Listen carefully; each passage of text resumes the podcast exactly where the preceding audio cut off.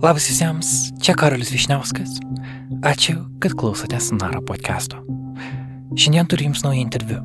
Jame kalbuosi su Eva Volkanovska, lietuvių ir lenkų žurnalistė, lenkų laikraščio Gazeta Viborčia bendradarbė.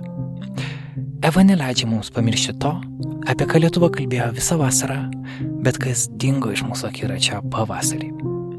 Bet žmonės niekur nedingo. Ir laikui bėgant, jų padėtis blogėjo. Kalbu apie migrantus, kurie atvyko į Lietuvą per Baltarusijos sieną. Daugiausiai jų yra iš Irako, bet taip pat iš tokių šalių kaip Kongas ar Jemenas. Virš 3000 žmonių yra penkiose skirtingose sulaikymo centruose Lietuvoje. Jis kelbė badas streikus, jie skundėsi pareigūnų elgesiu, dabar jie renka pinigus ieškiniui Europos žmogaus teisų teismui dėl to, kad Lietuva juos įkalino. Lietuvoje šie žmonės įprasta matyti kaip, kabutėse, netikrus pabėgėlius, kaip apsimetėlius.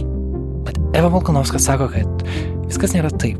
Ir tai, kaip elgiamės su šiais migrantais, yra esmingai svarbu norint auginti Lietuvą kaip demokratišką visuomenę.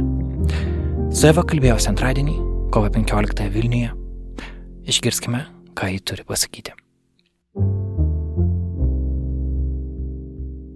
Labas, Eva.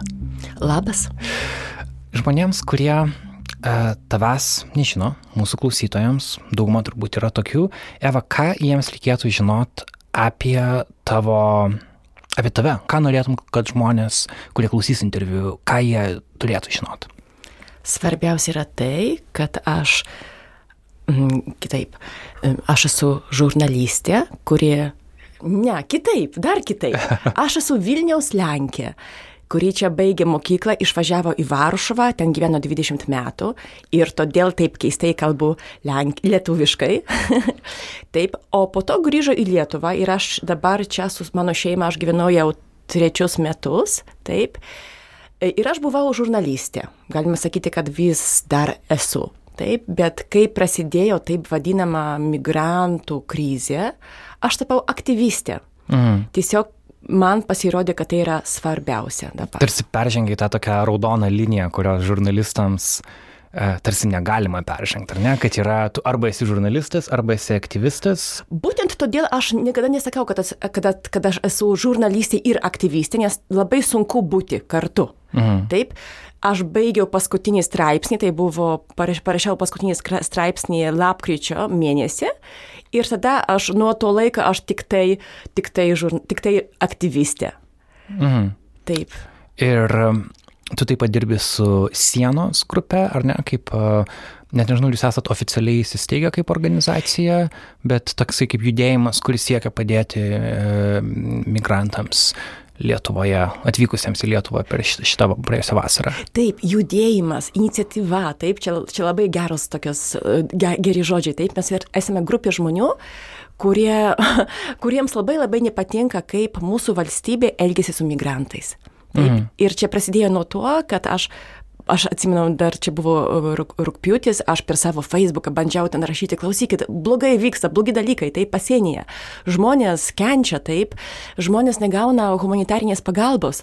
Ir atsimenu rytą, kurie sukūrė šiaip mūsų grupė, sienos grupė, vienoje grupėje Facebook'e irgi parašė, klausykit, darom ką nors. Ir aš sakiau, taip, darom.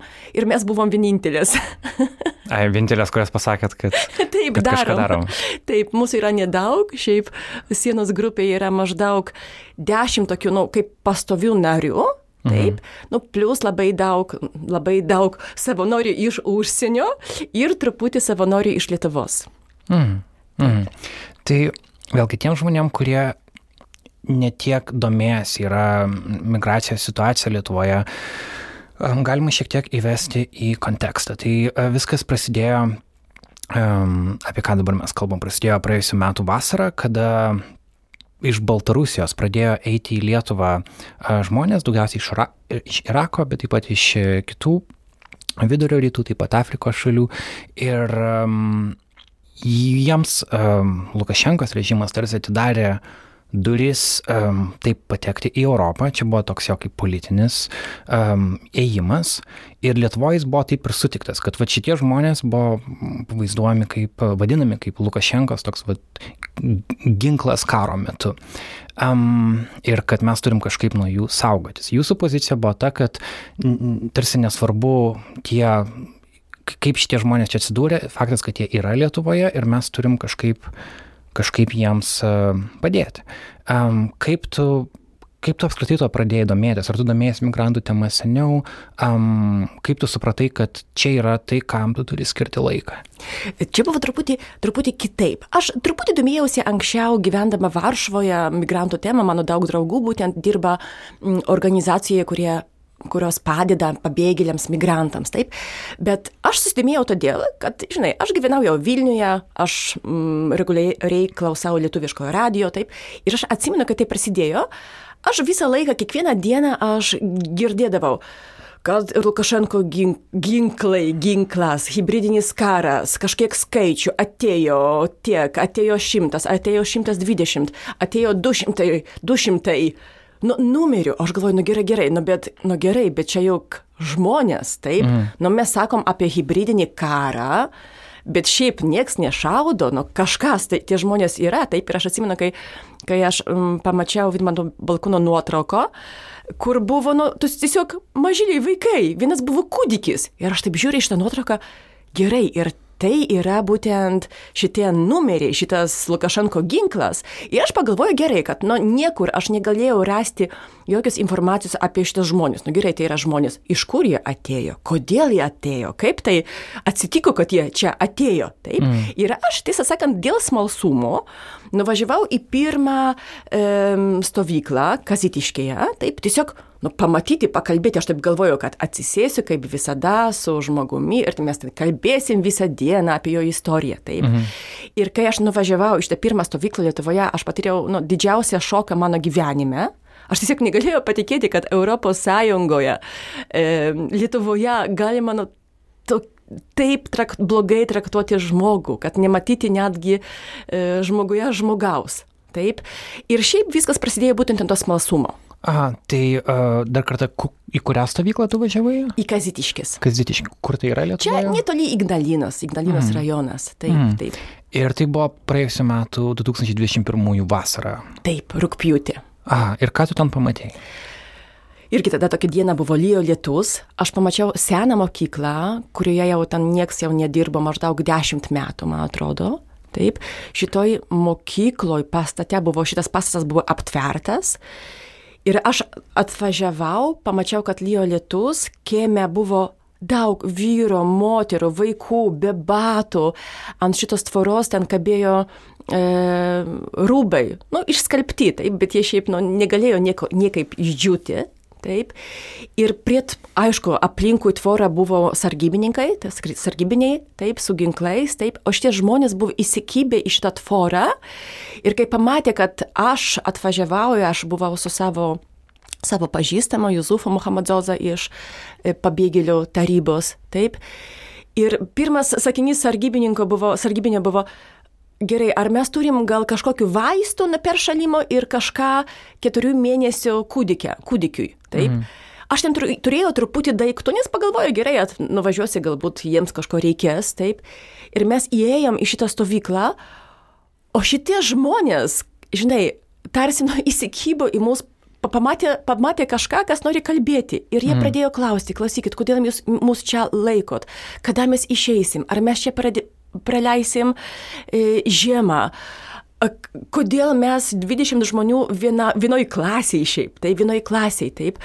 Mm, ir, ir aš šito nesitikėjau, taip. O visi darbuotojai, dauguma darbuotojų buvo tokie, kad, mm, Čia buvo tvarka, kol jie neatvažiavo, taip, nu, tarsi šitas, tar, tarsi šitas pastatas buvo, žinai, naujas po remonto. Ne, čia buvo sena mokykla, kurioje tikrai nenorėčiau prileisti nei, nei dienos, taip. Mm. Ir su tokia didelė nepagarba žmonės, mūsų žmonės, mūsų Lietuvo žmonės, kurie ten dirbo, kalbėjo apie juos, taip, o jie buvo tiesiog nu desperacijoje. Taip, mm. jie bandė išaiškinti savo situaciją, nors matė mane pirmą kartą. Mm. Aš kaip žurnalistas sekiau visą tą istoriją taip stebėdama žiniasklaidą, kaip apie e, migrantus kalbama, tai ta nepagarba jiems turbūt labiausiai atėjo ir, kodėl, ir kaip buvo formuojamas jų įvaizdis, kad, na, kad tai yra žmonės, kurie yra tokie suponuojama, kad yra tokie kaip avantūristai, kurie tarsi iš tikrųjų jie nėra, kabutėse, tikri karo pabėgėliai, jie yra, na, tokie, kurie štai gyveno kažkur Irake ir atsira, kadangi Lukašenka pradėjo organizuoti skrydžius ir sakė, va čia geras kelias į Europą, tai dalis jų nusprendė, na, pabandykim, kur šitas kelias nuves, kad nes, um, bet uh, ir ir netgi tie žmonės buvo vadinami žiniasklaidoje ten turistais, arba buvo sakoma, kad žiūrėkit, jie ten, nežinau, gerai apsirengę, turi šiltus batus, geras triukes, net, kad jie netrodo kaip karo pabėgėliai ir kad tarsi jie bando pasinaudoti šitą ES tokią svetingumo politiką, kur irgi galima kvestionuoti, kiek jinai iš tikrųjų yra svetinga, bet, na, kad, kad kad techniškai jie bando tarsi vaizduoti, kad jie yra pabėgėliai, bet iš tikrųjų jie tokie nėra.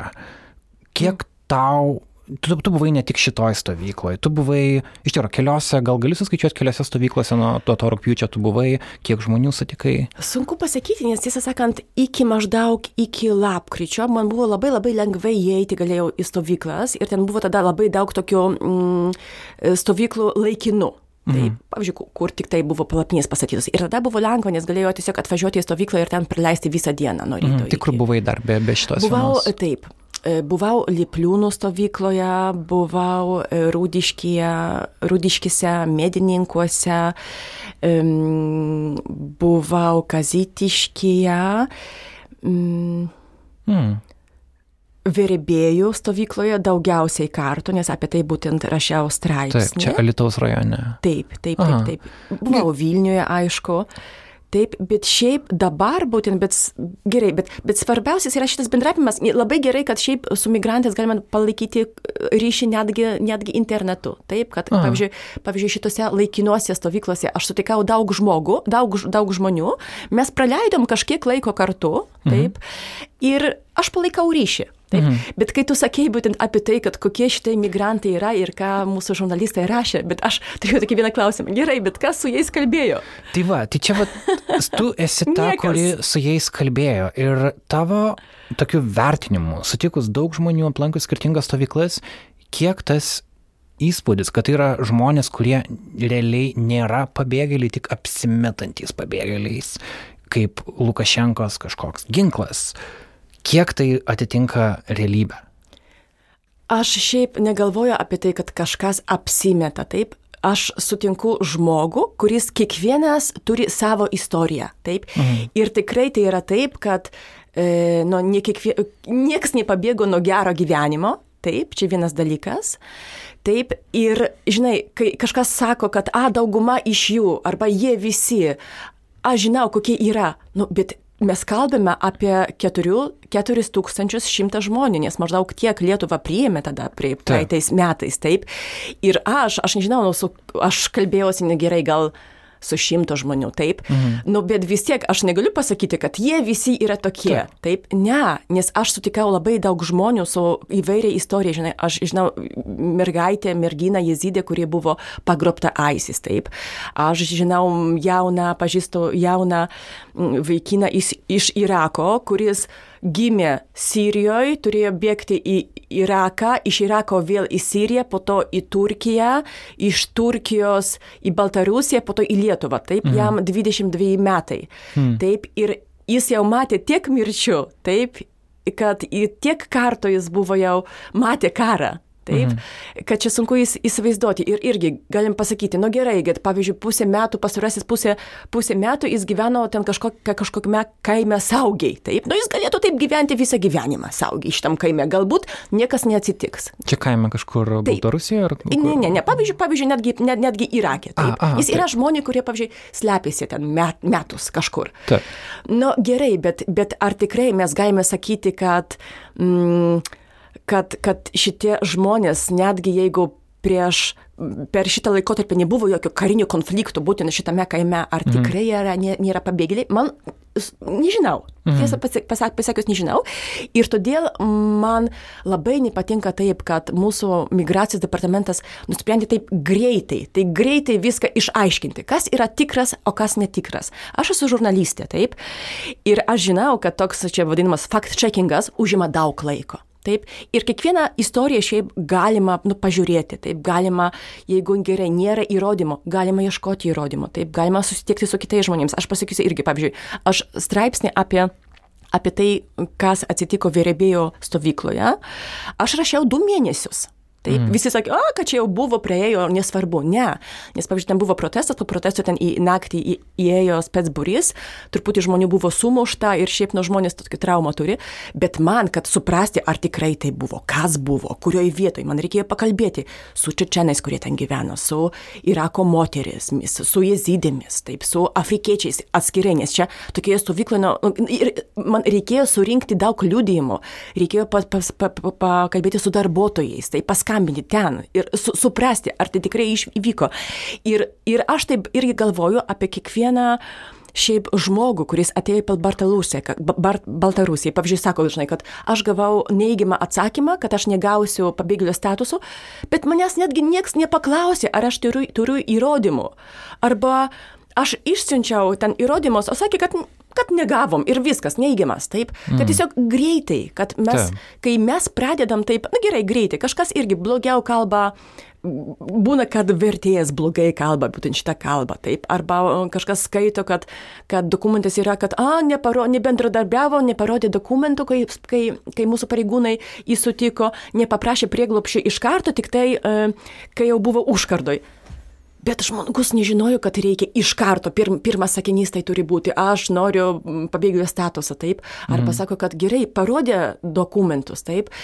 Ir, ir kai mes darom tai greitai, kad mums reikia greitai išaiškinti, kas yra tikras, kas ne, nu tai yra jau nedemokratiška. Taip, ir e, LRT buvo paskelbtas toks e, tyrimas, kuriam vienas iš migracijos m, mm, viso šito proceso žmonių, jis ne, ne, nepasakė savo vardo, bet kuris dirbo sistemoje ir paskui išėjo iš darbo, jis sakė, kad kai kuriom bylom buvo skirta vos kelios, kelios minutės ir kad anot to šaltinio e, visa sistema buvo irgi tokia imitacinė, kad e, tu tarsi turi ištirti bylą, bet iš tikrųjų tu ją ištiri labai greitai ir tavo tikslas yra kuo greičiau pasakyti tiesiog ne ir tą prieglopšio prašymą atmesti.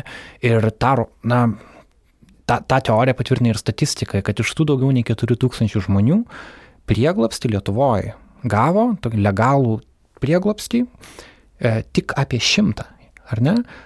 Ar iš tų žmonių, kuriais tu bendravai, bent vienas gavo?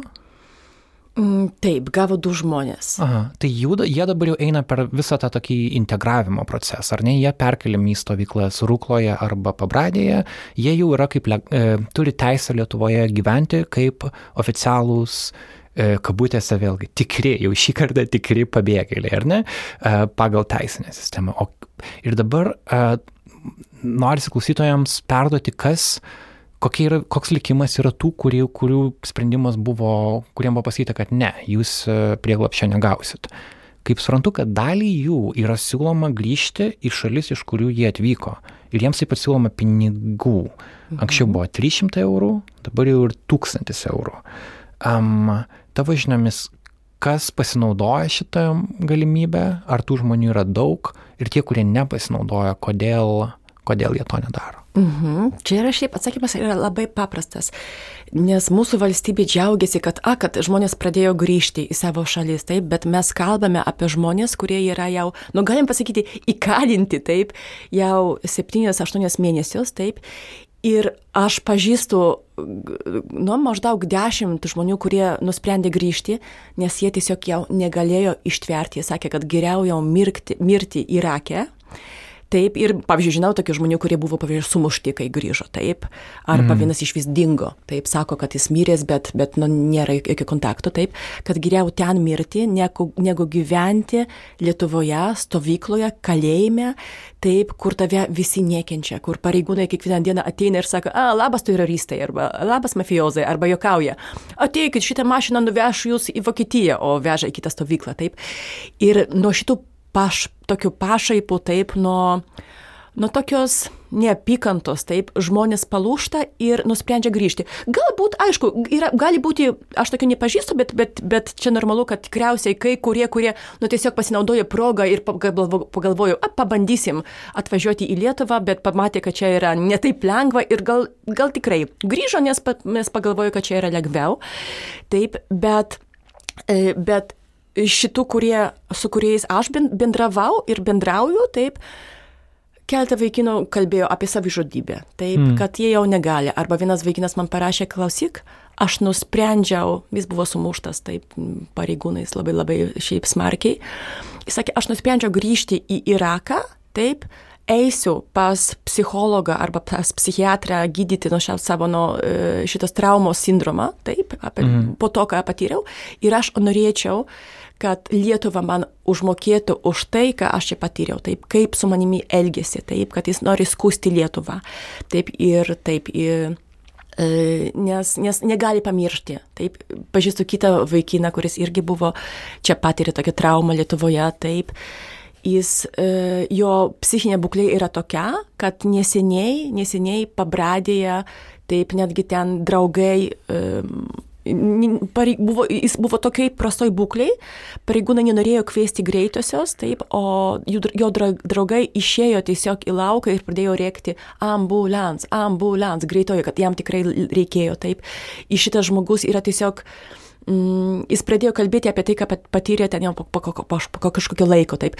Ir, mm, ir labai dažnai aš matau tokias situacijas, būtent arba merginos jezidės tokias sako man, kad buvo atėję būtent e, migracijos departamento, departamento darbuotojai, taip, ten visi įkalbinėjo, ir savanoriai įkalbinėjo, kad jie grįžtų, ir darbuotojai, pareigūnai, taip, ir daktarai būna, kad tiesiog grįžkit, grįžkit, grįžkit. Ir kai tu ateini į tokį sutikimą ir tu sakai, kad tu negali grįžti, netgi neturi, neturi kur, nes, pavyzdžiui, gyveni palapinėje tiesiog, mhm. jezidžio stovykloje Irake ir tu esi viena, o tau valandą laiko sako, Mums tai nerūpi, mūsų valstybė tavęs nepriims, tu turi grįžti. Mums tikrai Tikrai mm. to nerūpi. Nori nusižudyti, prašau, nusižudyk, taip. Ir po tokios valandos, šitos nu, stipri migrantai, kurius psichika stipresnė, gal ištveria, sako, kad gerai, gal keletą valandų ten paverkia, netgi, netgi vyrai, taip, bet po to, po to kažkaip, mm. kad kažkaip gyvena. Bet yra tokių, kurie tiesiog palūšta. Aš pavyzdžiui, kada prieš dvi dienas gavau tokį kaip laišką, kur migrantas atsisveikino su manim. Aš nežinau, ar jis gyvas ar ne. Taip, aš negal, neturiu su kontaktu, aš pranešiau stovyklai, taip. Mhm. Jis parašė, kad, kad jis tiesiog jau negali ištverti. Taip, kad ačiū už mano visas pastangas, apie tai, ką aš viešinu, tai, kas vyksta, taip, bet jis tiesiog jau negali. Taip, ir aš mm. neturiu su juo kontakto. Ir, ir tokių savižudybių šiaip e, bandymų buvo, buvo jau tikrai daug, apie tai nieks nekalba, taip, nieks nekalba. Aš turiu kontaktų šiais žmonėmis, aš mačiau video, mačiau jų rankas, pavyzdžiui, tai, arba aš m, palaikau ryšį su, su vaikinu, kurio e, kurio nu, draugas iš kambario bandė nusižudyti, taip, kaip, kaip viskas atrodo. Apie tai niekas nerašo, apie tai ne, neviešinama, o administracija sako ne, kad tokių bandymų nebuvo, bet buvo.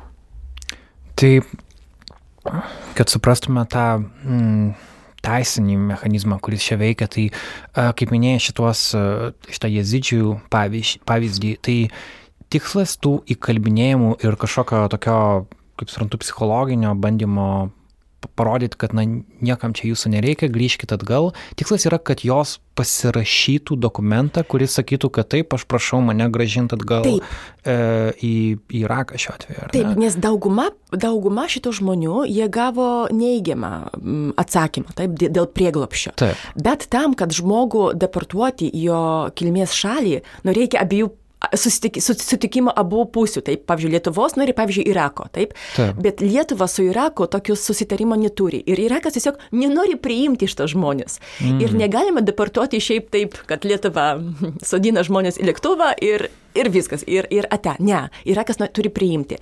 Ir dauguma šitų žmonių, kurie nu, gavo neįgiamą, neįgiamą atsakymą, negali grįžti Mhm. Ir sėdi šitose stovyklose, negali išeiti, nieks negali išeiti šiaip į miestą, jie nu, normaliai įkalinti, galim pasakyti, taip. Ir vienintelis būdas Lietuvai, ir man taip atrodo, kad šiaip čia yra toks vienintelis sprendimas, kad čia Lietuvai atrodo, kad čia yra geriausias dalykas, kad jie tiesiog patys grįžtų, nes jeigu jie pasirašys, kad jie nori grįžti, taip, kad jie sutinka, tai, ta, bus, tai nebus tada deportacija, tai ta, tarsi kaip, truputį kaip, kaip turistai grįžtų, taip. Mm. Ir tada Lietuva gali išsiųsti lengvai. Ai, tada jau nereikia iš Irako kažkokio patvirtinimo, taip. nes pats žmogus patvirtina. Taip, taip, taip. Ir man atrodo, kad Lietuva, daugiausiai Lietuva, mūsų valdžia, valdžia daugiausiai jėgų būtent skiria ne tam, kaip integruoti iš to žmonės, ką daryti. Bet kaip nu, juos gražinti. Bet tiesiog, ką padaryti, kad jie dinktų. Aha. Mums jų nereikia. Kad, kad Tiesiog iš pradžių tikrai buvo taip, ka, kad jie gaudavo nuo 300 eurų, jeigu jie norėtų grįžti į savo kilmės mhm. šalį, taip.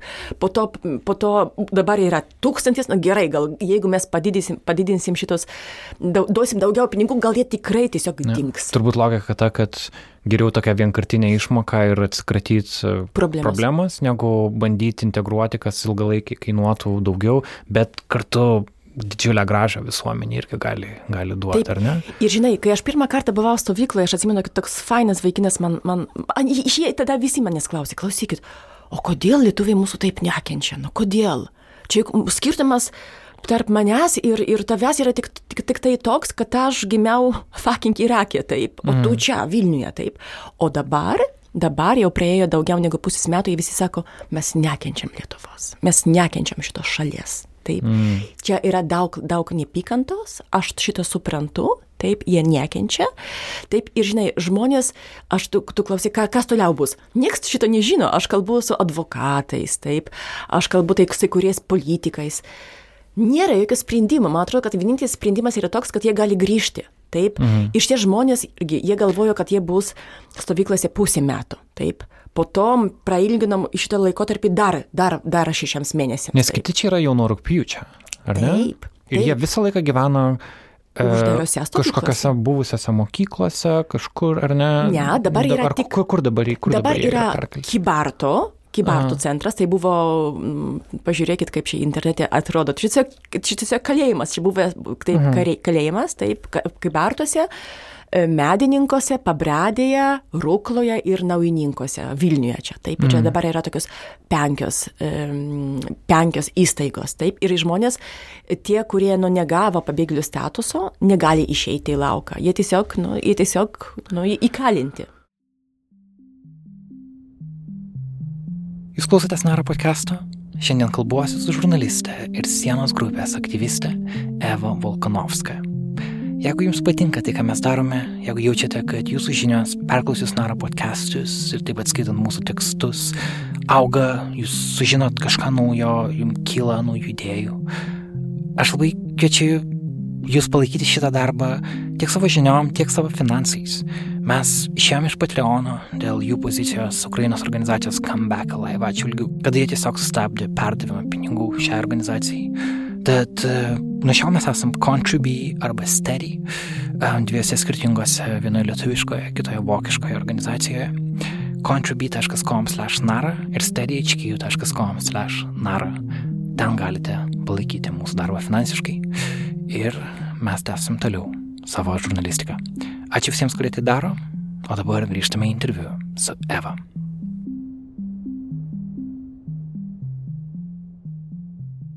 Mačiau, kad dabar yra paskelbta tokia lėšų rinkimo kampanija, kuria siekiama skurti kolektyvinį ieškinį prieš e, Lietuvą, kad e, už tai, kad, e, na, kad pačių migrantų teigimų jie yra nelegaliai įkalinti ir jie nori paduoti į teismą, į, Europos žmogaus teisų teismą Lietuvą kaip valstybę.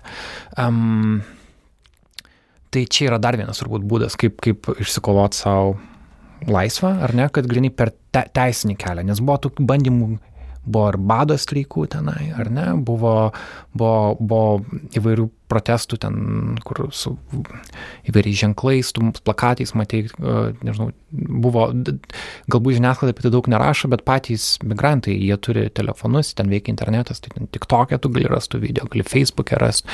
Tai yra kažkoks pasipriešinimas, kurį, apie kurį Lietuvoje atrodo mažai kas žino, bet jis, bet jis realiai vyksta. Ar tu um, gali papasakoti apie šitą iniciatyvą, kiek tu manai tai yra, nežinau, realu ir kartu tas jų davimas į teismą Lietuvos kaip valstybės, tada jau apie kažkokią mintį, kad mes galim visi čia draugiškai gyventi, atrodo jau, jau peržengta ta riba. Ir atrodo, kad mes dabar turime kelis tūkstančių žmonių skirtingos Lietuvos vietose, kuriuos uh, kurie kiekvieną dieną vis labiau nekenčia Lietuvos. Mhm. Taip. Aš labai palaikau šitą iniciatyvą, nes, žinai, man irgi iš pradžių atrodė, kad, nu gerai, mes esame, mes Europos šalis, tai Europos Sąjungos šalis, kad, nu aišku, kad kiekvienas gali protestuoti. Mm. Žinai, aš galvoju, nu gerai, nu migrantai irgi taip galvoju, pavyzdžiui, aš atsimenu pirmus protestus, nu aišku, jie ten, ten išeidavo su plakatais, kad freedom, kad nori laisvės, ne, jie neturėjo jokios informacijos, kas čia vyksta, kodėl nu, jie, jie atėjo į į Europą, nu, paprašė prieglopščio, taip, ir mm. tūkstančiai žmonių anksčiau irgi taip ateidavo į Europą, prašydavo prieglopščio ir buvo normalia, žinai, normalia procedūros buvo, galėjo išeiti iš stovyklos, kažkaip gyventi vis dėlto taip, o, o jie buvo įkalinti, taip, bet kai pamatė, kad po kiekvieno protesto taip ateina būtent pareigūnai ir, ir tiesiog baudžia žmonės už tai, kad protestavo. Galvoju, kaipgi tai, negalime protestuoti? Ne, negalima, nes čia mes vadiname riaušėmis. O žurnalistai nekalba su migrantai, jie skambina Vsatoj ir klausia, o, norim pakalbėti apie riaušės. Ir Vsato sako, nu taip, taip, taip, buvo riaušės, bet... Vsatas tai valstybės sienos apsaugos, apsaugos tarnyba, tar... kurie prižiūri visą šitą sistemą. Taip, taip, taip. Aha. O ir taip, bet dabar viskas jau ramu. Taip, visi jau laimingi, jau sutvarkyta, vadukai išimti buvo, taip naktį. Taip, ir viską sutvarkėm. Taip, Skaverbas skambina stovyklos administracijai. Nu gerai, kas ten pas jūs įvyko? O, buvo riaušės, bet viskas jau tvarkoj. O su migrantais nieks nekalba ir migrantai protestavo vieną kartą, antrą, dešimtą, taip.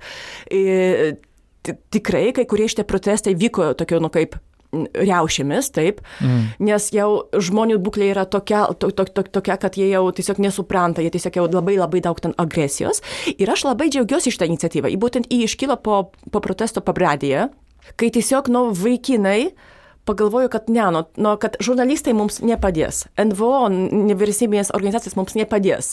Taip, Lietuvoje, taip, nieks mums negali padėti. Mes įkalinti ir mes nežinom, kiek laiko mes čia būsim šitoje stovykloje. Metus, du metai, gal po dešimties mūsų išleis, gal niekada neišleis, nes jie paprašė, paprašė prieglopšio, o mes jų vadinam, kad čia nusikaltėliai. Peržengė mūsų, mūsų, mūsų sieną. Nu, taip, kad nelegaliai, nelegalai, taip. Ir jie nesupranta, ką mes padarėme, tiesiog įėjom į jūsų šalį ir patys suradino, dauguma iš jų patys surado pareigūnų ir paprašė prieglopšio, taip, nes tada dar ne, ne, nebuvo žinoma, kad jie bus šiaip įkalinti, taip. Mm. Ir, ir man labai džiaugu, nes šitą visą iniciatyvą, būtent pateikti šitą ieškinį, taip, čia buvo jų, jų šiaip idėja ir jų darbas, taip, jie tikrai, um, aš aš palaikau ryšius su būtent su migrantais, kurie tai organizuoja, taip. Jie turi, turi labai vis, išvertę viską į į, liet, į lietuvių, į anglų, prancūzų, arabų kalbą, taip. Jie rado teisininkus, taip. Jie rado žmogų, kuris padeda, padeda ten su social media, taip. Mm. Jie e, komunikuojasi irgi ten su nes kiekvienoje e, šitoje stovykloje yra žmonės, yra grupė, kurie žino daugiau, kurie ten padeda ten pildyti dokumentus, taip. Ir dabar irgi pradėjo rinkti lėšos, taip, portale GoFundMe, taip. Nu, nes, nes vienas teisėja, teisininkas jis e, nusprendė, ne, ne iš Lietuvos, nes Lietuvoje tokių teisininkų mes neturime, kurie norėtų šitiems pabėgėliams e, padėti pro bono, taip, ne už pinigus. Mūsų, mūsų, mūsų e, teisininkai ima maždaug 100 eurų už valandą. Taip, bet rado, jie rado užsienyje teisininką, kuris nusprendė tai daryti pro bono, bet kai paaiškėjo, kad, šito, kad čia bus ne tik vienas atvejis, kad tiesiog nu, daugiau žmonių nori mhm. pateikti tokį ieškinį, tai, tai irgi renka pinigus, nes, nes, nu, nes, nes turi dabar jau visą komandą mhm. teisininkų, taip, nu ir ne visi dirba pro bono, taip, vis mhm. dėlto.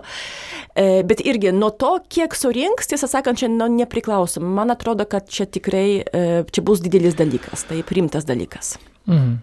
Ir čia, į, į, į, matant visą tą iniciatyvą, toks disonansas uh, daugelio turbūt galvose yra, nes viena vertus nori žmonėm padėti, kita vertus tai yra byla prieš Lietuvą, ar ne, kaip valstybė prieš visą šitą mm, žmonių, žmonių elgimąsi su šitai mhm. žmonėm, kurie eina mūsų tarsi visų Lietuvos gyventojų vardu tam tikrą prasme, ar ne? Mhm. Ir um, kai jūs paskelbėt, pasidalinot šitą iniciatyvą sienos grupėje, buvo žmonių, kurie rašė, kad, kad jūs kažkokia, kad čia kažkokia prieš valstybinė vos neišdavikiška veikla, ar ne? Ir kaip tu pati tai matai, kad tu vienu metu gali būti ir tarsi, nežinau, kurti geresnę Lietuvą, ar ne, ir tuo pat metu palaikyti žmonės, kurie nori paduoti Lietuvą į teismą. Taip, ir man atrodo, kad čia būtent yra labai svarbu, nes, nes aš noriu gyventi, aš pradėjau būtent, aš tapau aktyvistė, todėl, kad man pasirodė, kad, kad šita mūsų demokratija Lietuvoje yra tokia silpna, kad mes norime tik tai imti, o kai reikia pabėgėlių priimti, tai mes jau nenorime, mes jų bijom, mes norim atsikratyti taip. Ir būtent man, aš labai palaikau šitą iniciatyvą, nes būtent čia yra dėl to, kad Lietuva, man, man, man gėda už Lietuvą. Taip, mm. man gėda. Aš kai man migrantai sako, klausyk, kodėl jūs taip elgiatės su mumis? Aš sakau, sorry, Aš labai atsiprašau, aš nesuprantu, kodėl. Nors tu pati esi Lietuvos pilietė. Taip, aš esu Lietuvos pilietė, taip. Mhm. Aš nesuprantu, kodėl mūsų valstybė taip elgesi su pabėgėliais, aš nesuprantu, kodėl mūsų visuomenė nenori jūsų priimti taip, kaip priimėm ukrainiečius. Mhm. Aš tai nesuprantu ir man atrodo, kad, kad e, būtent Aš tai matau visiškai kitaip, kad šitas ieškinys prieš Lietuvą tai nėra taip, kad antivalstybinė veikla. Aišku, mūsų valdžios atžvilgiu taip, taip, nes aišku, geriausiai būtų, kad jeigu visi būtų patenkinti ir mylėtų šitą kraštą, bet man atrodo, kad būtent e, tai bus Lietuvos naudai, taip, nes dabar šiaip, kai aš kalbu su žmonėmis iš kitų šalių, mūsų palaiko labai daug lietuvių, kurie gyvena užsienyje ir sako, kad klausyk, nu kodėl, kodėl jūs neišleidžiate šitų žmonių iš stovyklų, kodėl jūs taip traktuojate, sakau, nežinau kodėl, nes čia nėra demokratija, taip man kažkarts mes patikėjom, kad mes esame tokia šauni, maža, e, europietiška demokratinė šalis, bet, bet mes neturim tikriausiai gal gilio, gilių tokių tradicijų, taip, demokratijos, taip, ir jos reikia sukurti. Tai kaip pavyzdžiui, mes su sienos grupė, mes mes bandėm, mes padedam irgi žmonėms, kurie peržengė šitą, nu, į, į, prie, į, ateina į Lietuvą iš Baltarusijos. Taip, aš atsimenu žiemą, žinai, kai mūsų pareigūnai sakė, kad ne, ne, ne, šitiems žmonėms nieko nereikia, mes tada jau, nes rūpjūtį jau šiaip Lietuvą galim pasakyti, kad uždarė iš vis. Um, um, Nu, kad negalima jau priimti, priimti pabėgėlio, negalima paprašyti pabėgėlio statuso, jeigu tu peržengiai e, sieną su Baltarusija, taip. Mhm. Ir dabar visi jie gražinami į Baltarusiją, jeigu kažkas bando, taip. Ir tai jau rūpjūtį tas buvo pradėta? Daryt? Taip, jau, jau rūpjūčio, taip, taip. Tu tą vadinamą atstumimo taip, politiką, atstumimo? Taip, atstumimo, atstumimo politiką, taip.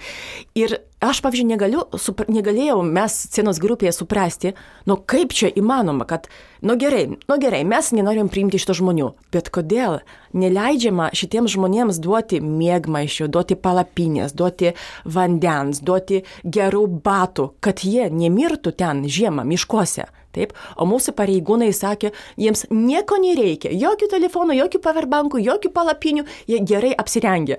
Taip, o mes matėm, kai mes sutikdavom žmonės miškose, žmonės nu, žinai, sportiniais batais, taip, arba su koj, matėm jų kojas, drebenč, drebenčius baltus, taip, kad žmonės buvo išsigandę, žmonės sakydavo, gerai, geriau į kalėjimą Lietuvoje, bet ne į Baltarusiją. Tik mm. ten mūsų sumuš, taip. O mes sakėm, ne, sorry, mes negalim, negalim čia, nes dabar jau mūsų valstybė netgi iš tos stovyklas, netgi iš tos kalėjimus jūs nepriima, taip. Kad, kad niekaip jums negalim padėti, taip. Ir mes senai grupiai galėjom duoti tik tai maistą, palapinę, mėgmaišį, taip, jeigu mes sutikdavom kažkokį žmogų. Ir kodėl mūsų valstybė ir tai, kad mūsų valstybė neleisdavo, neleidžia, nes, bet dabar yra mažiau žmonių, bet vis tiek suteikti legaliai humanitarinės pagalbos kažkam, kas atėjo, taip ir nevalgė, pavyzdžiui, penkias dienas, taip, tai aš šito nesuprantu, nes tai tikrai, tikrai nėra demokratija. Mm. Aš kiek pamenu diskusiją tuo metu, kada buvo kalbama, ar, ar, ar reikia uždaryti sieną, stumti žmonės atgal, buvo pagrindinis argumentas, kodėl ta politika buvo priimta, yra ta, kad buvo tas, kad maždaug jeigu neuždarysim sienos dabar, tai jų tada ateis jau ne, ne 4 tūkstančiai, bet, nežinau, 20 tūkstančių, 40. Atrodė, kad, ne, kad jie žmonės tiesiog skris ir skris į, per Baltarusiją ir ilgainiui mes turėsim didžiulę problemą. Ir dabar, ir kažkada siena buvo uždaryta. Ir Dabar, kada liko tie mažiau nei 4000 žmonių Lietuvoje, atrodo, kad tai nėra tiek jau daug, ar ne? Ir um, tai galbūt čia, čia va didžiausias klausimas, kodėl, kodėl tie, kurie liko, tarsi ir tiem nepasiryštama kažkaip rasti būdą, kaip, kaip, kaip, kaip jiem galima padėti. Bet kur, kur dar aš matau tokį net, nežinau, totalų pozicijų išsiskyrimą yra, kad kai tavo pačios tekstą skaičiau apie, apie šitą streiką prie, prie Lietuvos stovykloje. Ten tu kalbėjai su valstybės sienos apsaugos tarnybos atstovu ir tu jam pasakėjai visus liudijimus, kuriuos tu girdėjai. Ir jie buvo kai kurie tokie, kurie man pačiam kaip Lietuvos piliečiai man buvo sunku patikėti. Pavyzdžiui, migrantai sako, kad uh, kad juos realiai mušė pareigūnai, ar ne? Aš galvoju, mhm. ar tikrai Lietuvos policininkai muša kitų, tarsi, ar kad man, man, man sunku kažkaip perėti per tą ir tuo patikėti. Ir tada jisai, anu tavo straipsnio, vos nenusijokdamas sakė, tai ar tu ten tikrai tiki, ką tau jie sako. Ten maždaug ir jo komentaras tekste buvo, kad na, parašyk, kad mes viską neigiam. ir tu taip ir parašiai. Um, Tai, ko, kaip pasakyti, kas tave skatina tikėti, kad tie žmonės, ne, nes galbūt yra logika pasakyti, kad tau buvo blogiau ir taip tikėtis, kad tu gausi, nežinau, simpatiją žmonių, gal tą patį prieglapstį, kiek tu tik, kas tave užtikrina, kad tos istorijos, kurias tu girdi, yra tikros istorijos, nes tu pati turbūt nematėjai, nežinau, paties mušimo proceso, ar ne? Bet e, galbūt tu matei žaizdas kažkokias. Tai kas tave įtikino to? Todėl, kad aš esu gera žurnalistė ir moku tiesiog renkti e, informaciją taip. Aš e, pamenu, kai aš pirmą kartą išgirdau apie taip, kad buvo sumušimas, atėjo žmogus būtent su tokio, ai, tokio mėlynė, ant akis sakė, čia pareigūnai. Aš sakiau, kad kaip, kas? Jis, jis išėjo, aš sakau, klausykit, gerai, bet aš noriu daugiau sužinoti, nu kaip, ne, čia neįmanoma, čia neįmanoma, taip. Mm. Ir, žinai, aš atsimenu, man atrodo, kad čia rugsėjo mėnesį buvo toks žurnalistų Lietuvos Lietuvos žurnalistų susitikimas su BBC žurnalistė. Mhm. Stephanie Howard. Ir, ir po to, po šito susitikimo mes kalbėjomės ir man klausė, klausyk, kas yra ne taip su jumis, kodėl visi žurnalistai turėjo vieną klausimą kaip patikrinti, ar migrantai myluoja? Čia buvo vienintelis klausimas. Aš klausyk, bet kai jūs einat, nežinau, nu ir renkat kitą medžiagą, kitai temai, ar jūs tikrai visada galvojat, jis tikriausiai meluos, kaip čia patikrinti? Kai einate, nežinau, su, su nu, nu, kai kuria tema, taip. Ir čia yra būtent apie, apie tai, tai žinai, kad uh, kad gerai, aš kaip, pavyzdžiui, apie šitas vyrybėjus, kai aš sužinojau, kad čia buvo, ten buvo sumušimas, nu, iš pradžių man buvo šokas, neįmanoma, taip, bet aš šitą straipsnį rašiau du mėnesius. Tada, kai aš buvau jau tikra, kad kažkas ten įvyko, taip, pavyzdžiui, dabar irgi prieš beveik dvi savaitės medininko stovykloje irgi buvo riaušės visą naktį, po to vėl tas pats, taip atėjo spetsburys ir ten buvo netgi, mot, mot, moteriams netgi ne, nedavė laiko apsirengti. Yra tokie, tokie video, kur surištos moteris, moteris, taip, ir keletą iš jų yra nuogos, ten, ten kažkokios ten antklodės arba ten, kažka, ten, ten, ten viena iš vis pusnogė, taip, nes jiems sakė išeiti, ten tikriausiai ten ieškojo kažką kambaryse, bet netgi neleidė, nedavė laiko ten aps, apsirengti, taip. Ir aš m, savo Facebook'e postę, postą apie tai parašiau maždaug po pusantros savaitės. Taip, nes man reikėjo surinkti visą medžiagą. Aš ten daug video, taip, kažkas girdėjo, kad kažkas matė, kai viena mergina buvo sumušta, kita mergina sutiko kalbėti. Kalbėjausi su organizacijomis, kurie kalbėjosi irgi ten su, su, žmonėmis, su žmonėmis. Kažko, kažkino kambariokė kažką matė, taip. Vaikinas iš Irako, vaikinas iš Kongo, vaikinas iš Kamerūno, taip. Ir kai aš turiu šitos medžiagos jau tiek daug, kad aš turiu įrodymų, kad turiu nuotraukų, bet irgi aš turiu liūdėjimų pareigūnų, nes mes kažkaip, čia man visada juokinga, kad pareigūnas sako, kad, ah, migrantai myluoja. visada meluoja, taip, kad mes tiesiog nematom žmogų, kad jeigu mes susitinkam su žmogumi ir iš karto sakom, a, jie meluoja, nieko tokio nebuvo, taip, nu tai čia nei čia žurnalistika, nei čia šiaip e, žmogiškumas, taip, nežinau, kas čia yra, kas čia, čia ignorancija kažkokia, gal, gal, gal naivumas, o gal tiesiog nepykanta. Taip. Ir žinai, kai e, tu irgi esi žurnalistas ir aš, pavyzdžiui, aš rašau ilgus straipsnius, taip. Ir mm, maždaug vieną, vieną straipsnį rašau būtent du mėnesius. Todėl, nu, kad tiesiog reikia padaryti tokį normalų, kaip čia vadinasi, fact-checkingas, taip. Kai šitą irgi, tai šitą žurnalistė iš BBC sakė, nu klausyk, bet čia kažkaip nenormalu, kad jūsų valdžia, jūsų politikai ir jūsų žurnalistai sako tą patį.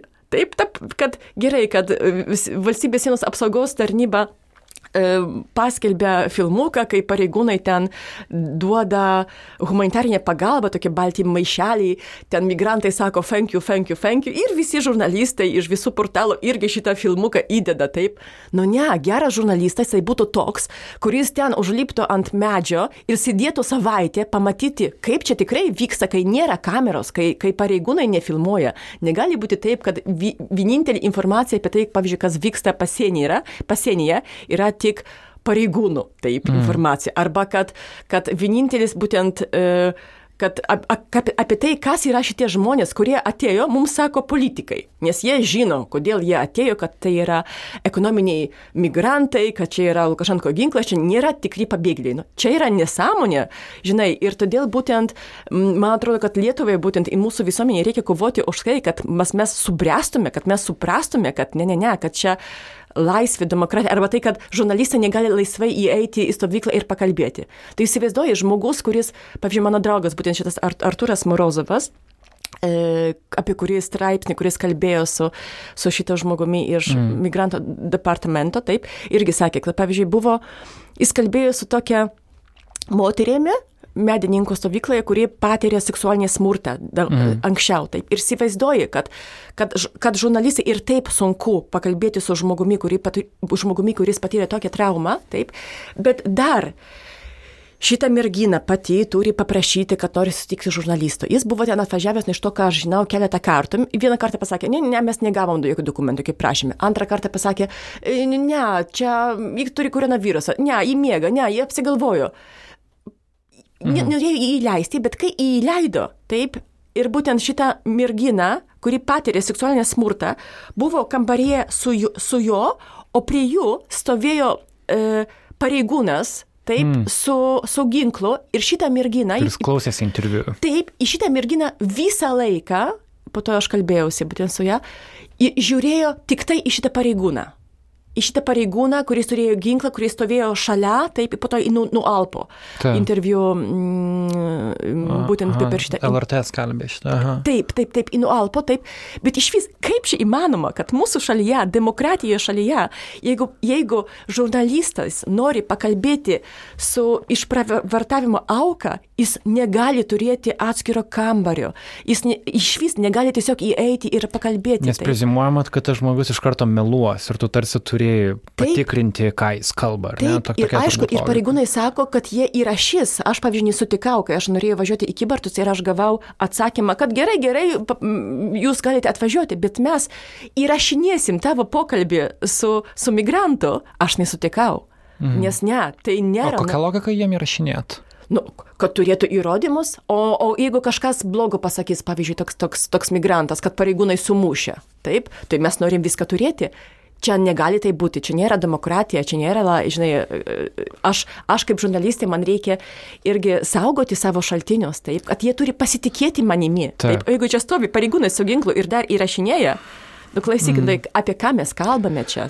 Nu, man atrodo, kad kada pas, pa, pa, pasisuka viskas aplink jau valstybės saugumo klausimus, Lietuvoje tarsi yra sutinkama atiduoti dalį demokratijos vardan valstybės saugumo. Mano, mano tokia prielaida, aš kaip pats rašiau savo straipsnį apie e, migrantų temą, kur irgi keliau panašius klausimus kaip tu, aš laukiau žinučių žmonių, kad, ei, bet čia, čia ką tu rašai, tai čia naudinga Lukašenkai, naudinga Rusijai. Nu toks gaunasi, kad iš principo kaip ir teisinga, bet platesniam paveiksle, jeigu laikysimės tos vat, prieimimo politikos, tai tada mūsų tuo altruizmu pasinaudos ir mes turim būti tvirti ir šį kartą čia vyksta karas ir turime elgtis kitaip. Nu toks, kad, kad tarsi mm, yra prezimuojama, kad tu kenki valstybės saugumui kaip tokiai, kad jeigu tu šitoje vietoje elgsiesi gerai, tai visa valstybė sugrius kažkaip. Tai nežinau, kiek tau tas, kiek, kiek jūs tokių priekaištų sulaukėt ir kaip tau atrodo, kad tavo veikla tada naudinga Lietuvos jau priešiškom valstybėm. Kiek tas argumentas tau atrodo logiškas? Atsiprašau, bet man šitas argumentas yra tiesiog jokingas, taip, kad mes negerbėm žmonių teisių, Mhm. Taip, ir sakom, kad mes tokia tvirta valstybė. Ne, valstybė, kuri negerbė žmonių teisę, nėra tvirta valstybė. Taip, ir kaip pavyzdžiui, aš Sinos grupė, kai mes padėdavom, dabar mažai tiesiog yra žmonių, kurie skambina iš miško žmonėms miškuose, taip, ir, sa, ir, ir, ir, ir mus vadino antivalstybininkais, kad mes nelojalūs. Ne, ne Galbūt taip. Aš, esu, aš jaučiuosi, kad aš esu lojali žmogiškumui, žmogui, mm. kuris gali čia numirti, todėl kad kad, ah, kad aš neįsiu į mišką, nes, nes, nes gausiu baudą už tai. Taip, ne, gerai, aš gausiu baudą, taip, bet galiu aš išgelbėti žmogaus gyvybę. Ir valstybė, kurie negerbė žmogaus, žmogiškumo, kurie, netgi, aš netgi jau nesakau apie tai gerai, priimkit visus, bet sakau apie tai paprastas dalykas, taip, kad gerai, mes atstumėm žmonių, žmonės, mes nenorim jokių čia pabėgėlių, nieko tokio, taip, tikrai, tik, tai, tik tai ukrainiečius, aišku, mūsų broliai, taip, o kiti ten iš Irako, ten koks ten karas buvo arba kamerūnė, ką mes žinom, taip. Bet kad mes nepriimam, bet, bet tai, kad mūsų valdžia neleidžia, čia nieko mūsų valdžios ne, nekainuotų, neprileidžia, pavyzdžiui, nevyriausybinio organizacijų. Pavyzdžiui, sulaiko žmogų pasienyje Žmogus sako, nu, gerai, bandau įeiti į, į Europą, man, man nepavyko. Aišku, kad bus išstumtas į Baltarusiją. Gerai, bet duokit mums valandą, mes atvažiuosim iš savo pinigų aktyvistų, nežinau, kitų organizacijų, mes duosim šitam žmogui pavalgyti, duosim kuprinę, duosim tokią palapinę, kuris galės miegoti netgi, kai bus minus 15. Nieko čia mūsų valstybės nekainuos. Mes tiesiog duosim ir išeisim, humanitarinė pagalba. Bet kai valstybė sako, kad ne, čia yra nelegalus veiksmas, kas mes yra, mes, mūsų veikla yra antivalstybinė, nu tai klausyk, nu kaip tai skamba? Taip, kad, kad tikrai sakė kažkas iš valstybės pareigūnų? Ar, aišku, kad taip, aišku, kad... kad, kad, kad gali pasakyti, kas? Gerai, aš atsimenu tokią, tokią situaciją, žinai, čia buvo, man atrodo, gruodžio mėnesį, galbūt lapkričio, mes radom e, grupė, kur buvo 14 žmonių ir ten buvo 6 vaikai. Mažiausiam buvo pusantrų metų, jis turėjo tokį genetinę lygą, visą laiką šiaip, šiaip verkė. Taip. Ir istorija buvo tokia, kad šitą visą šeimą atvažiavo pareigūnai, tai paėmė į užkardą. Mes tikrai galvojom, kad, kad, kad kad e, jie lyg stovykloje čia Lietuvoje, taip, čia daug vaikų buvo, taip, bet po to sužinojom, kad pareigūnai pranešė, kad ne, kad jie nusprendė, šita grupė nusprendė grįžti į Baltarusiją. Mm. Taip, jie tikrai atsakė, atsisakė važiuoti grįžti į Iraką. Tai nežinau kodėl, taip, čia reikia laiko suprasti, taip. Bet kad, kad jie, jiems nereikėjo jokios pagalbos, taip, kad jie prašė, ar jums reikia ten, ten mėgmaišių palapinių, o jie atsakė, eidami ten beveik jau, jau, jau naktį į mišką, nieko, mums nieko nereikia, taip, mes esame grupė 14 žmonių, yra sniegas, taip, nieko nereikia, taip. Ir aš atsimenu tokia situacija, kai nežinau, kaip čia atsitiko, mes, nu, juk, juk turime GPS, taip, turime telefonus, mes matėm, kad šita grupė sukūrė laužą dar prie sienos su Baltarusija, bet šiaip Lietuvos teritorijoje. Ir mes kalbėjome su jais, jie sako, ne, mes turime du mėgmaišius. Taip, mm. mūsų grupė, mūsų yra daug, mes nieko neturim, nieko mums nesiūlė. Mes, mes su džinsais ir sportiniais batais kai kurie, taip, niekas mums nieko nesiūlė. Ką mums daryti? Ir mes bandėm keletą valandų, aš su mūsų draugais, mes skambino visiems. Kažkas turėjo pažįstamą politikų, kažkas pareigūnų, kažkas turėjo, nu, labai tikrai, nu, šiaip visa valdžia mūsų žinojo apie šitą atvejį, mhm. kad leiskite, mes tik tai atvešime šitiems žmonėms mėgmaišius ir palapinės. Ten buvo vaikai.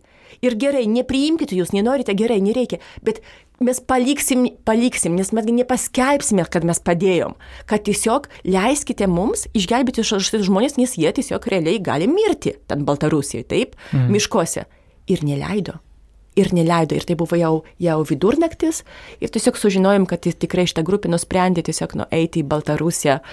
Ir tai irgi jie buvo, jie buvo mm, pagrobti, mm, pagrobti e, taksisto, taip, mm. Kuris, kuris nuvežė juos į Minską paėmė, paėmė e, dokumentus ir pasakė, kad jeigu neužmokės tiek ir tiek, tai nepaleisiu. Taip. Ir, ir taip jiems pasisekė, taip, nes, nes dabar jie ten irgi. Mm, e, Jūs palaikot ryšį su jais? Palaikau, ir palaikau. Tai jie. Ko, dabar yra Baltarusijoje? Ar... Dauguma iš jų yra Baltarusijoje, taip, mhm. o dvi merginos yra mm, į Luksemburgą nuskrido gavo prieglopstį, viskas tai yra. Liuksemburgė gavo prieglopstį Lietuvoje. Taip, ne. aš nežinau, ar gavo prieglopstį, ar, ar, ar nu, bet, bet tikrai normaliai, normaliai gyvena, tikrai nėra sulaikymo e, centre, taip, bet, bet tai galėjo tikrai blogai pas, pa, pa, pasibaigti viskas, taip, mm. bet mūsų valstybė neleido netgi duoti mėgmaišių. Eva, mes turim uh, dar realiai vieną minutę studijos laiko, aš vis tiek noriu tavo nuomonės apie dabartinę situaciją. Uh, vis dėlto mes priimam ukrainiečius šiuo metu, mhm. kurie masiškai bėga nuo karo ir, ir visi didžiuojamės tuo kaip valstybė, ar ne, kad, kad mes priimam, mes esam įgalus tai surinkti pinigus, padėti, atverti duris, beras dešimčiai tūkstančių žmonių šito šiandienos duomenimis. Užtenka erdvės Lietuva, užtenka mhm. iniciatyvos. Tai kas yra, kad su šituo atveju, kad šituo žmonės mes padėjome į šalį, turiu omeny migrantus daugiausiai iš vidurio rytų ir Afrikos. Kas, kas tavo manimu čia sužaidė? Kodėl mes taip skirtingai juos Mes nesubrendę, mes bijome. Mes vis dar, mes esame tokia, tokia uh, mes esame maža šalis, kuris apsidžiaugia, kad, kad ją priėmė į Sąjungą, bet mes taip labai bijome dėl savęs dar, mes taip nesaugiai, nesaugiai jaučiamės, kad aišku, ukrainiečiai tai tarsi mes, mes pažįstam Ukrainą, mes ir žmonės atrodo panašiai, ir tikėjimas panašus, taip, ir mes žinojom, žinom, kas yra Ukrainos prezidentas, kas buvo, kas buvo prieš 20 metų prezidentų, taip, kas ten įvyko, mes pažįstam, taip, bet kai ateina kažkas iš Irako, Sirijos, Kongo, Jemeno, ką mes žinom apie šitą šitos šalis, jie atrodo kitaip. Mes neturim šiaip tokių tradicijų. Mes sakom, kad Lietuvoje žmon, gyvena įvairių tautybių žmonės. Taip gyvena, bet tiesą sakant, kad kai atvažiuoja pas mus savanoris iš Prancūzijos, sako, o, o kur juda odžiai, taip, jūs visi balti čia, taip, mes, mm. šiaip mes neturim tokių tradicijų, mes labai labai bijom. Ir, Na. ir todėl mes priimam ukrainiečius, man atrodo, o, o bijom šitų kitokių žmonių. Net jūsų veikla parodo, kad yra žmonių, kurie nebijo ir kad iš tikrųjų Lietuvoje vietos yra, yra visiems. Tai tikėkime, kad, kad šios dvi grupės nebus kažkaip supriešintos tarpus, nes jie realiai yra labai panašioje situacijoje. Ir tiesiog lauksiu naujų tavo tekstų. Ačiū labai Eva už interviu ir stiprybės tau ir tavo komandai. Ačiū.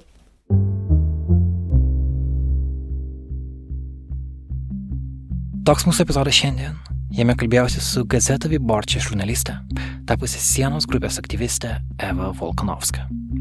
Su ja kalbėjausi aš Karlis Višniauskas, interviu rašytas Martino Mašvido bibliotekoje Vilniuje. Šio podcast'o muzikos autorius yra Martinas Gailius.